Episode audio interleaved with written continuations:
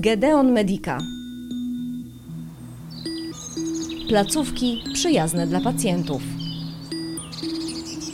Różne formy autodestrukcji są poważnym problemem społecznym, wyzwaniem dla terapeutów, także wyzwaniem dla naukowców, badaczy. Zajmuje się tymi właśnie problemami zespół badawczy Clinical Emotion Neuroscience Lab z Instytutu Psychologii UKSW w Warszawie. O najczęściej spotykane formy autodestrukcji, a w szczególności te związane z zaburzeniami odżywiania, pytam profesor Katarzynę Kucharską, psychiatrkę. Witam Państwa bardzo serdecznie. Chciałabym powiedzieć o zaburzeniu z napadami objadania się, gdyż stanowi ono jedno z najczęściej spotykanych współcześnie form zaburzenia odżywiania. Można powiedzieć, że powoli zdominowało Amerykę, jak i bardzo poważny e, problem autodestrukcji w przestrzeni zaburzeń odżywiania w populacji głównie młodych kobiet, gdyż te osoby objadające się to są głównie nastolatki i młode dorosłe.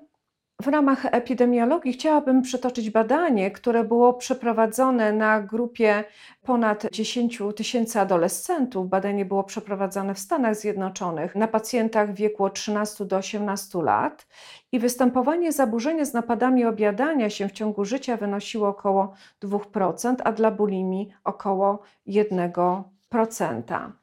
Badacze twierdzą, że występowanie zaburzenia z napadami objadania się jest wynikiem m.in. zaburzonych interakcji pomiędzy ośrodkowym układem nerwowym, jego mechanizmami neuroregulacyjnymi, a czynnikami hormonalnymi i metabolicznymi.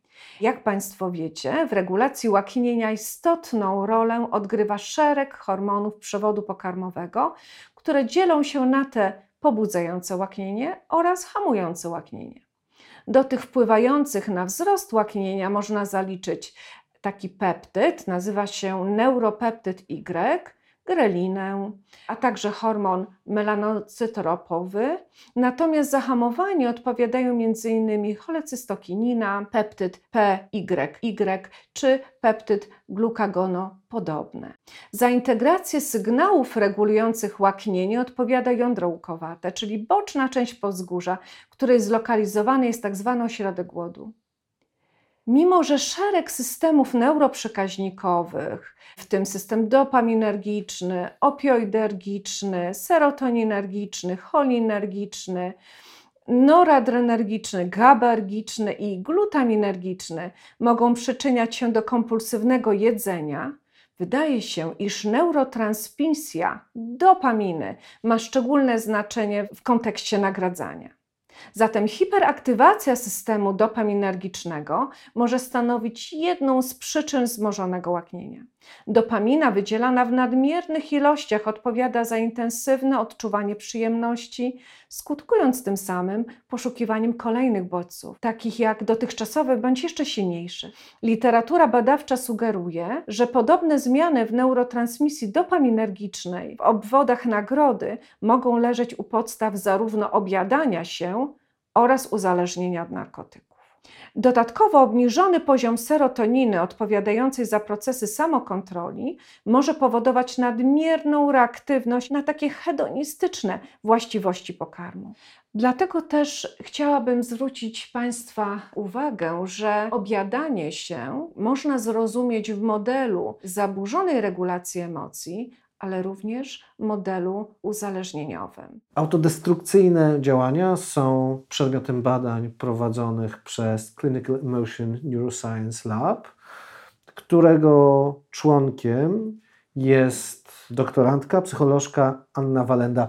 Na czym polegają te badania? Celem naszego projektu jest poznanie mechanizmów emocjonalnych i wzorców myślenia które leżą u podłoża zaburzenia z napadami objadania się, ale również właśnie uzależnienia od alkoholu. Jak wyglądają badania, które Państwo prowadzicie? Do badania zapraszamy kobiety w wieku od 18 do 50 lat, które są zdrowe lub też posiadają diagnozę zaburzenia objadania się albo też uzależnienia od alkoholu. Takie badanie składa się z dwóch części. Pierwsza z nich polega na wypełnieniu zestawu kwestionariuszy psychologicznych i to odbywa się w formie online. Natomiast druga część odbędzie się z wykorzystaniem smartfonów. Zadaniem w tej drugiej części będzie przez 7 kolejnych dni udzielanie odpowiedzi na pytania, które są zawarte w takich krótkich, trzyminutowych ankietach na smartfonie. I te ankiety będą pojawiać się kilkukrotnie w ciągu dnia. W jaki sposób chcecie Państwo zmotywować uczestniczki do wzięcia udziału w badaniu? Za ukończenie badania przewidujemy otrzymanie przez panie biorące udział voucherów Allegro o wartości 150 zł, ale także skrócony opis wyników badań. Co więcej, też można dowiedzieć się czegoś nowego o sobie. Aby wziąć udział w takim projekcie, należy wejść w link, który zostanie zamieszczony pod podcastem. Serdecznie w związku z tym wszystkie chętne panie zapraszamy do wzięcia udziału w badaniu, nie tylko ze względu na vouchery Allegro, ale przede wszystkim na szansę uzyskania fachowej diagnozy, pomocy dla siebie. Dziękuję bardzo. Dziękujemy bardzo. Gedeon Medica. Placówki przyjazne dla pacjentów.